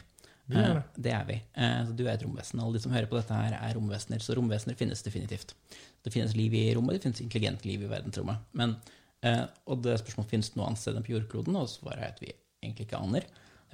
Og, Og det siste spørsmålet er om, det, om det har vært noe her. ja, Det er jo det den handler om, da, som jeg Ja. liksom ikke har eh, Har eh, jeg kan ikke- si jeg ikke har trodd på det i det hele tatt før, men det har, ikke vært noen sånn filmer eller dokumentarer eller historier som jeg virkelig har hatt tro på. Helt Nei. til slutten av den dokumentaren. Mhm. Da var det en skoleklasse for 30 år siden i Sør-Afrika som hadde blitt besøkt av et romvesen som hadde landa og stått og sett på de barna. Mhm. Og det så de, og lærerne så skipet lande. Eh, og alle de barna huska og tegna det helt likt. Og da snakka de mye om sånn barn de har det ikke i seg å stå og ljuge. Ikke sant? Nei, men de kan jo ha vært utsatt for en ganske heftig prank eller noe slikt. da. Det kan de. Det er mange muligheter. Men så så lærerne òg, og byen rundt. Så da begynner det å bli ganske stilig å tenke på. Ja, det gjør det. Og det er jo, man kan ikke utelukke det, selvfølgelig, at vi har blitt kontaktet, og at det har gått alle forbi, unntatt noen få, og at på Area 51 så har de på en måte ordnet med alt dette her. Jeg, jeg, jeg har nok ikke helt tro på at det er tilfellet. Og jeg vet, vi mennesker har jo utrolig mange opplevelser. Vi har religiøse åpenbaringer, tusener på tusener på tusener på jordkloden hver eneste dag, hvor hver lille gud kommer. Tror du det er noe i de tingene? Eh, jeg tror det. Jeg tror jo at alle, alle opplevelser som vi har, har en årsak, og det er, det er jo et eller annet som da skjer. Men, men, vi, men hva vi på en måte tolker inn i disse opplevelsene, da, hva er det? Jeg tror bevissthet finnes faktisk overalt, så jeg tror absolutt det. Verden er veldig underlig. Vi kan oppleve utrolig mye. Men hva forteller det oss da om hva som faktisk finnes av ting? Og om det skulle være at romvesener har kommet til jorda, eller hva det, hva det skulle være da. Så tenker jeg det, det, det er vanskelig å kunne vite på bakgrunn av at man har hatt en eller annen opplevelse, da. Hva Jo, at dette må ha vært at noe slik kom. Du sa jo selv at du har erfaring med slik plantemedisin, f.eks. Så ser man jo bare hva noen bitte, bitte små kjemikalier, det er hva vi spiser, hvor mye det kan gjøre med opplevelsene våre. Og Ja, poenget med historien nå, som jeg ikke mm. fortalte ikke helt til slutten For du snakka jo om det at det, det blir nevnt mye sånn uh, kriser og ting man kan gjøre feil i Bibelen og religioner. Mhm. Og det skjedde også med alle de barna. Fordi romvesenet snakka ikke med dem. Men eh, det alle husker, var at de hadde fått beskjed om at menneskeheten de må utvikle seg litt saktere og roligere, med mer snillhet og kjærlighet, enn å ødelegge hele jorda med veldig kjapp utvikling og mye hat og den pakka der. Og det huska kidsa, uten at noen ting har blitt sagt til dem.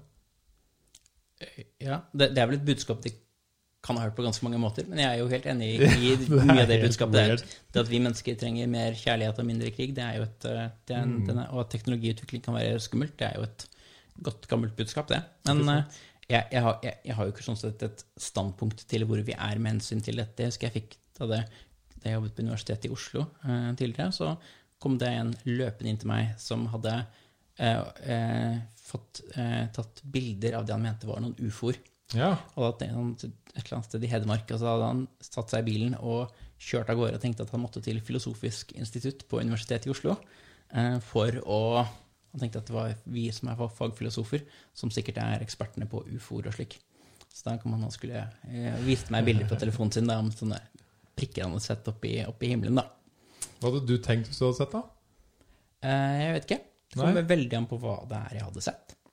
Um, hva slags opplevelse jeg hadde hatt. Jeg har nok en ganske stor jeg, jeg jeg tror nok at vi mennesker kan oppleve veldig mye av de opplevelsene kan være helt reelle at vi hadde dem, uten at det forteller oss så veldig mye igjen om hva slags ting som faktisk finnes. Vi drømmer, de fleste av oss, hver natt.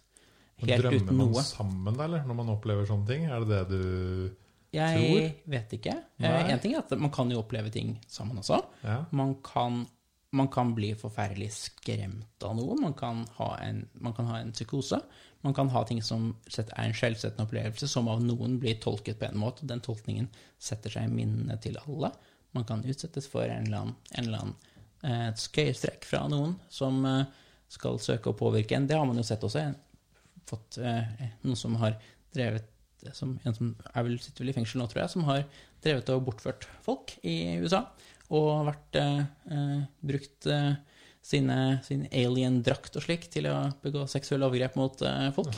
Ja. Eh, hvor folk har da trodd, blitt dopet ned, og så våkner de opp i et eller annet sted som ser ut som et romskip, og blir gjort forskjellige ting med, og så blir de dumpet ut igjen. Eh, så det er jo spørsmål hvor mye kan en del slike ting også være ting som blir gjort for å skjule overgrep eller annen kriminalitet. Eh, man kan jo bruke psykofarmakologi til ganske mørke formål hvis man vil det. Eh, så eh, det er så mye som kan påvirke våre opplevelser så ekstremt. Bare søvn, bare rusmidler, bare medisiner.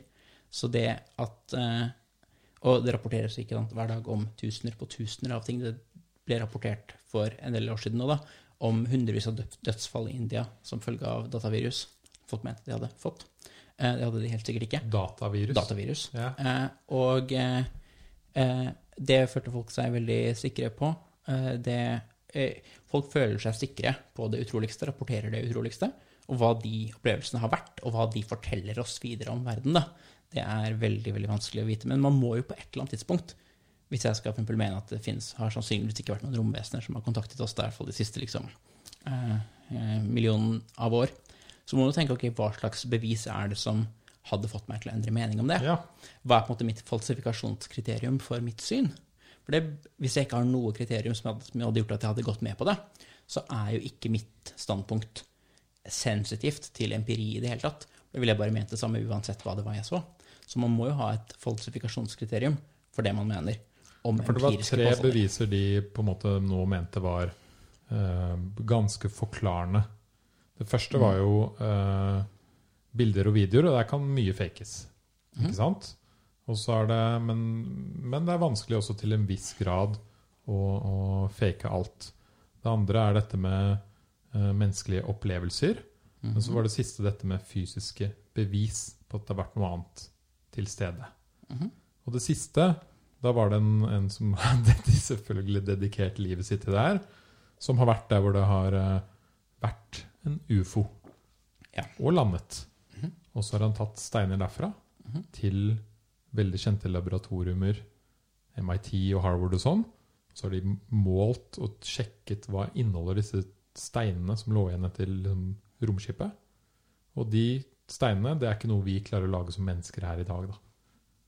Nei. Um, Hva tenker du da? at meteorer treffer jorda hver eneste dag. Ja, Altså det gjør den jo. Mye brenner opp i atmosfæren, ikke alltid gjør det. Så det at ting kommer fra andre steder til hit, det vet vi utmerket godt at det gjør. Eh, vi vet ikke på langt nær alt hva som bare finnes på jorda fra før av.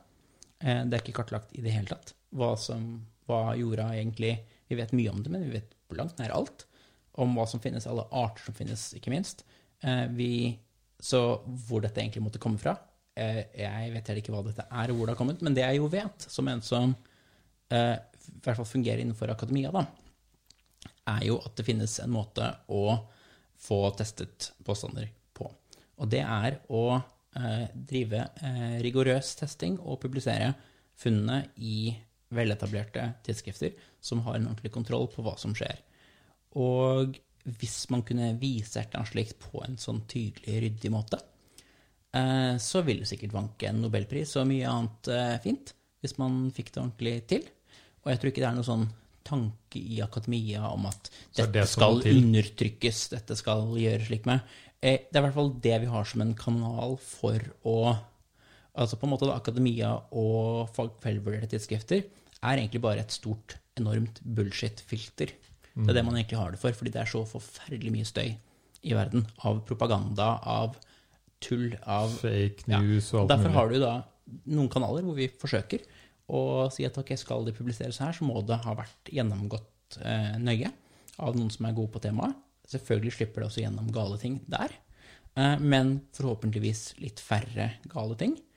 Og hvis man har en hypotese om et eller annet, så er jo måten å gjøre det på å forsøke å, redd, gjøre rede for det i et godt naturvitenskapelig da, tidsskrift, og, og se hvor det Ja, se om man kan klare å få ens, ens, eh, ens syn eh, å si scrutinized i en slik grad at det som kommer ut på andre siden, er troverdig. Og så lenge folk da ikke gjør det, så tenker jeg jo at eh, sannsynligheten for at dette bare er støy og ikke informasjon, er ganske i en slik Så sånn har du kognitiv om sammenheng. da. det liksom har kommet noen sånne forskere som har prøvd å komme Altså- fram med noe saklig? Altså, det er jo det er jo altså, forskere som jobber med det utro, utroligste, egentlig. Ja.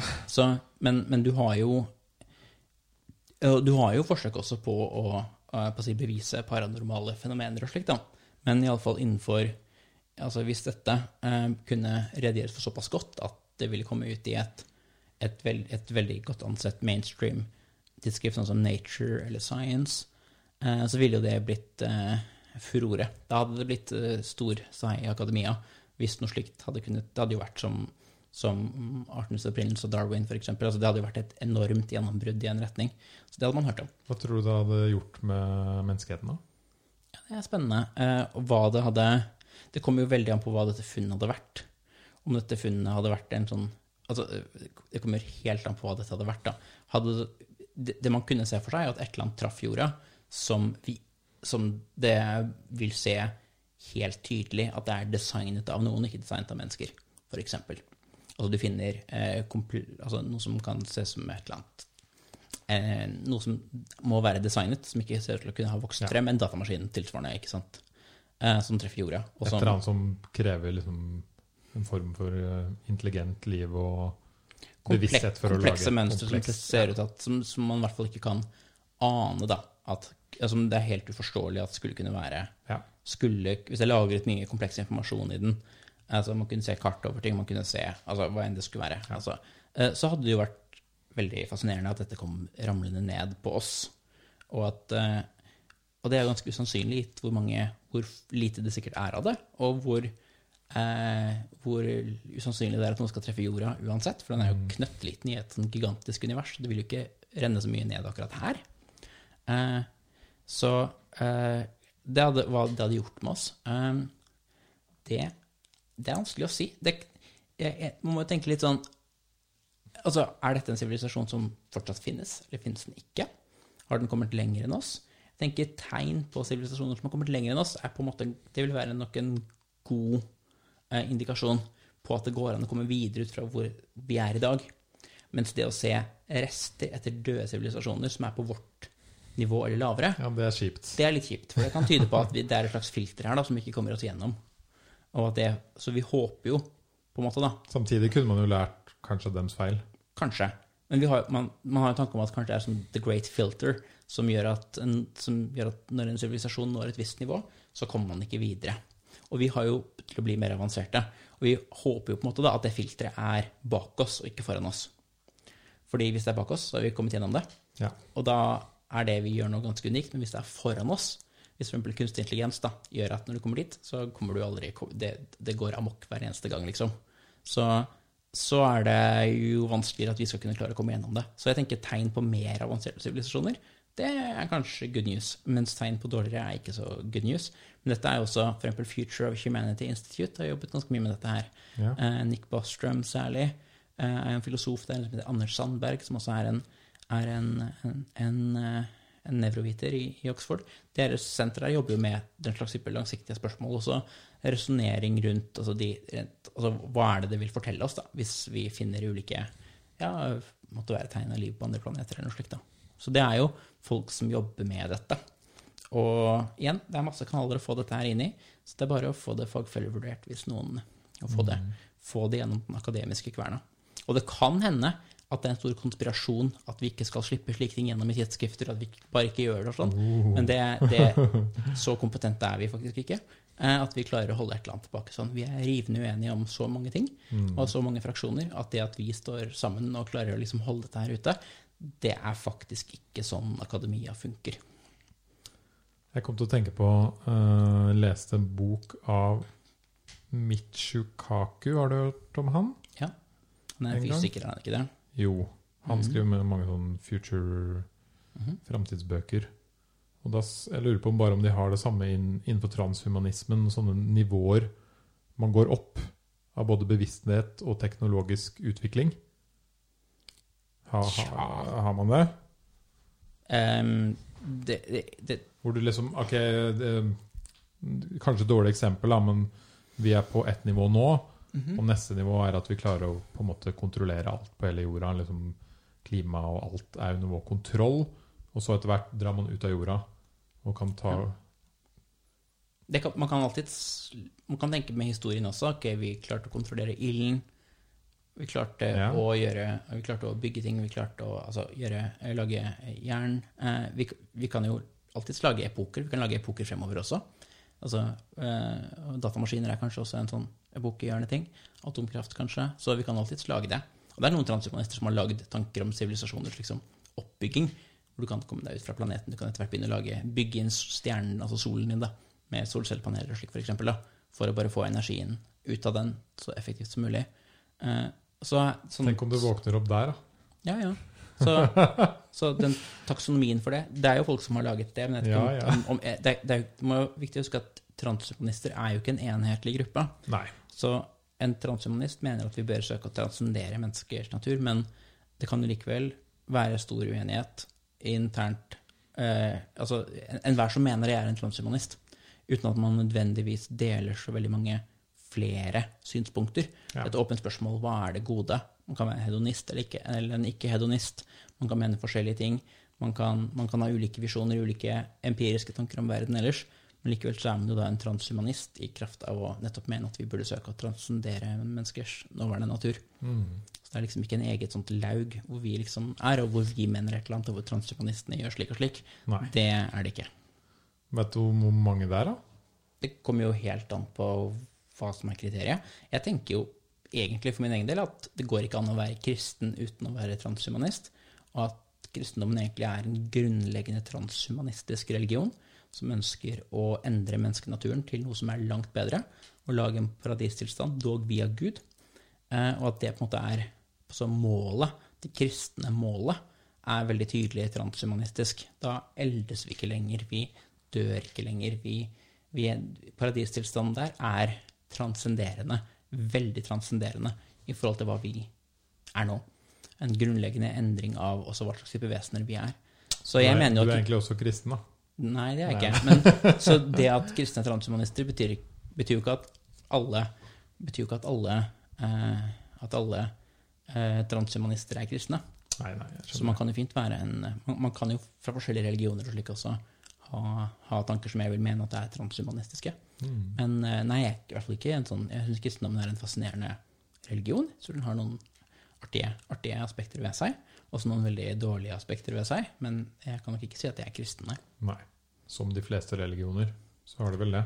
Ja, som de fleste religioner så har den jo det. Og jeg syns jo også kristendommen har en del, en del trekk som gjør at, den, at jeg er på noen måter litt sånn positiv til den. Den tanke om, om, eh, om at eh, si, denne det guddommelige er denne Jesus-skikkelsen, som er veldig på en måte sårbar og eh, har det og lider, istedenfor å ha en tanke om at vi skal på en måte være den største gruppen som skal klare å på en måte erobre mest, f.eks. Så er dette på en måte en gud som viser sin guddommelighet gjennom sin omsorg for det lille og sårbare. Det er en ganske fin sånn twist eh, i kristendommen.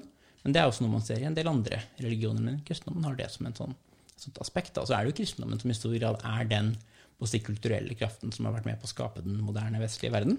På en måte har man kanskje si at den er skapt til tross for kristendommen.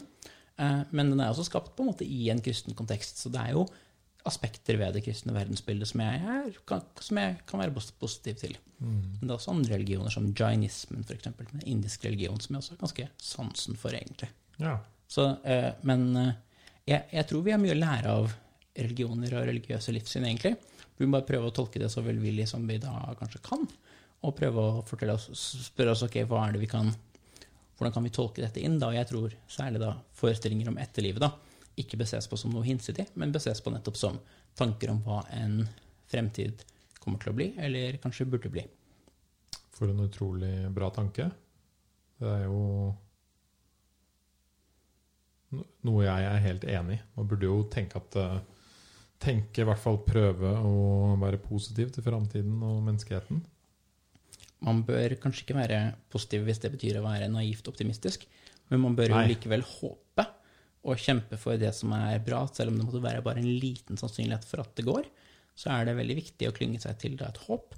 Og kristendommen har jo også tro, håp og kjærlighet som sine, sine tre verdier. Og jeg tror, håp og kjærlighet. Ja, og jeg tror jo særlig, særlig, håp og kjærlighet har jeg nok mer tro på enn akkurat tro. Mm. Eh, mens eh, håp er en ganske viktig dyd som eh, vi kanskje ikke er flinke nok til. Som er altså det å klare å holde i sinnene våre tankene om et veldig bra utfall, selv om det kanskje ikke er sannsynlig. Eh, og nettopp klare å bli motivert gjennom mye vanskelig. Så håp er, håp er viktig. Og det er, også en, det er også en ting som kanskje transhumanisme og kristendom har til felles. Kanskje det er bare vi som har eh, misforstått religionene i noen tusen år nå og tenkt at, eh, at himmelen er der oppe, men egentlig er den her på jorda? Um, ja, det, det er spørsmål hva er det folk har trodd. da. Folk hadde helt andre kristendomsforestillinger bare for 100 år siden enn de har i dag også. det. Så den tanken om at uh, himmelen er nok antageligvis ikke akkurat her, for her skjer det forferdelig mye den, ille i denne verden her. Det er en veldig dårlig himmel i så fall, men Ja, Men liksom den, når verden kan bli det. Ja. Og det er jo mange kristne som også tenker at det er denne verden her som transformeres til en langt bedre verden også. Mm. Ikke at den på en måte er et annet sted, men det er en omgjøring av det som er her. Det er også en, og at det er våre fysiske kropper som går videre og slik. Det er jo en ganske vanlig også protestantisk mening. Og så er det noe med at man Antallet religiøse i verden øker jo nå. Um, ja, det er mulig. Ja. Gjør det det? Ja. Ok. Mm. Jeg så det på Alt om Norge, tror jeg den serien heter på NRK. Ja. Ganske morsom. Mm -hmm. men i Norge synker det. Ja. Fordi vi har det så jævlig bra her. Det kan hende. Det, ja, det var det de knytta det opp mot, da. Ja, ja. Uh, og det er jo litt interessant at uh, man trenger noe sånn å tro på når man har det kjipt. Ja. Og religionene i verden har jo, alle sammen antagelig, vokst frem i samfunn der folk har det forferdelig kjipt. Ja. Med voldsom vold. Der man må anta at Sykdommer. Og man bare må anta også at store deler av befolkningen da har har PTSD eller andre voldsomme traumer som påvirker livene deres på grufulle måter. Og det, å, det, er jo en koordinering og opprettholding av et samfunn som kanskje ellers ville gått totalt føyken. Jeg lurer på om det liksom kom naturlig, eller om det var sånn nå må vi ha en løsning. Vi må ha noe å tro på. Jeg tror ikke det er designet så veldig Nei. mye. Det kan kanskje flikkes på senere. Men eh, det er veldig lett for oss å på en måte tolke mening og intensjoner inn i verden rundt oss. Og det å på en måte lage bilder, ikke minst lage tanker om at, tanken om at forfedrene fortsatt er her. da. Du har mistet noen, så er de på en måte borte. Men du ser dem fortsatt for deg, og kanskje omgås de mentalt. og slikt da. Mm. Så det å komme videre til en slags sånn, altså en forfedredyrking og slikt, da, det tror jeg vi mennesker har gjort ekstremt lenge. Mm. Jeg så det når vi, du snakka litt om uh, depresjon og lidelser og sånn, og du har jo intervjuet han Michael Pollen. Mm -hmm. Hva var det du fikk ut av det? Eh, oi, eh, hva fikk jeg ut av det? Eh, det mm. var jo et intervju om psykedeliske rusmidler i forbindelse med hans besøk her i Norge. Kan du Og- si kort hvem han er? Han, ikke, Jeg tror nesten du vet mer om ham enn meg, muligens. Men han, han er jo en amerikansk journalist som har skrevet om veldig mange forskjellige temaer. Eh, og er veldig sånn immersive i det han skriver om. Så han har jo skrevet om, om eh, ja, mange temaer, men eh, blant annet da, eh, eh, psykedeliske stoffer. Så han har brukt en del psykedeliske stoffer og har skrevet en bok om det. Mm. som eh, kom ut på norsk for et halvt år siden, eller noe slik. Og da han var i Norge, så eh, fikk jeg muligheten til å være den som intervjuet ham da, på vegne av forlaget om, eh, om eh, ja, hans opplevelse med det, og hvordan man skal tenke rundt effektene som vi ser i forskningen på psykedelika, f.eks. Så det var, det var gøy, det. Det, det. det ligger på YouTube også, Ja, eh, så det så går an å bra. finne. Folk kan også gå på nettsiden min, olemartinmoen.com. Og der ligger også annet det intervjuet og alt annet jeg er med på å lage. OleMartinmoen.com. Riktig. Yes, kult. Og der jeg så du har både publisert masse videoer og artikler. Så du publiserer masse greier. Jeg har ikke publisert så veldig mange videoer, tror jeg. Men det er Nei, sikkert men først blitt så, noen etter hvert. jeg søkte sikkert på deg på YouTube òg, tenker jeg. Mm, det kan godt hende. Jeg har jo snakket litt forskjellige steder, men til daglig da, så er jeg professor på Oslo OsloMet. Ja. Og jobber da, er da professor i etikk der. Underviser særlig helsefaglig etikk og slikt. da. Men jeg kommer fra filosofi. Jobbet på Universitetet i Oslo i ti år før det som fagfilosof. Så det er på en måte filosofi som er min, mitt, mitt fagfelt, da, i Mm. Det er derfor det er gøy å snakke med deg. Jeg har jo lært masse i dag. Ja, det har vært gøy, dette her. Ja. Det er gøy å kunne synse litt om mange forskjellige temaer. Det er det. rundt det. det. Filosofien prøver litt å samle trådene, på en måte. Ja. Prøve å se det store bildet. Noen må nesten gjøre det. Hvis, og hvis filosofen ikke gjør det, så er det bare teologene som gjør det. Mm. Og da er det, da er det håper jeg, at eh, det er nyttig å ha, ha filosofer også, til å prøve å, om ikke være eksperter på så veldig mye, så iallfall prøve å være noen av de siste generalistene, kanskje, da, som vi, som vi har. Mm. ja, for du må jo ha de som tenker stort, og de som tenker lite. Og alle mellom. Absolutt. Vi må også ha et bilde på hva slags verden er dette, og hvor i all verden er det vi skal hen, liksom. Vi, må, vi må, bør jo ha den tanken også. Ja. Ellers så er vi jo ute og kjører. Mm. Så, så, vi, så ja, jeg er veldig, det er fantastisk da å kunne være, være filosof på ordentlig.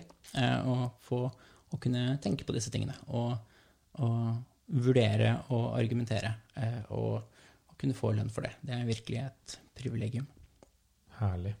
Mm. Du, tusen takk for praten i dag, eh, Ole Martin. Takk for det. Veldig hyggelig å være her. Ja. Sjekk gjerne ut eh, da olemartinmoen.com Ja.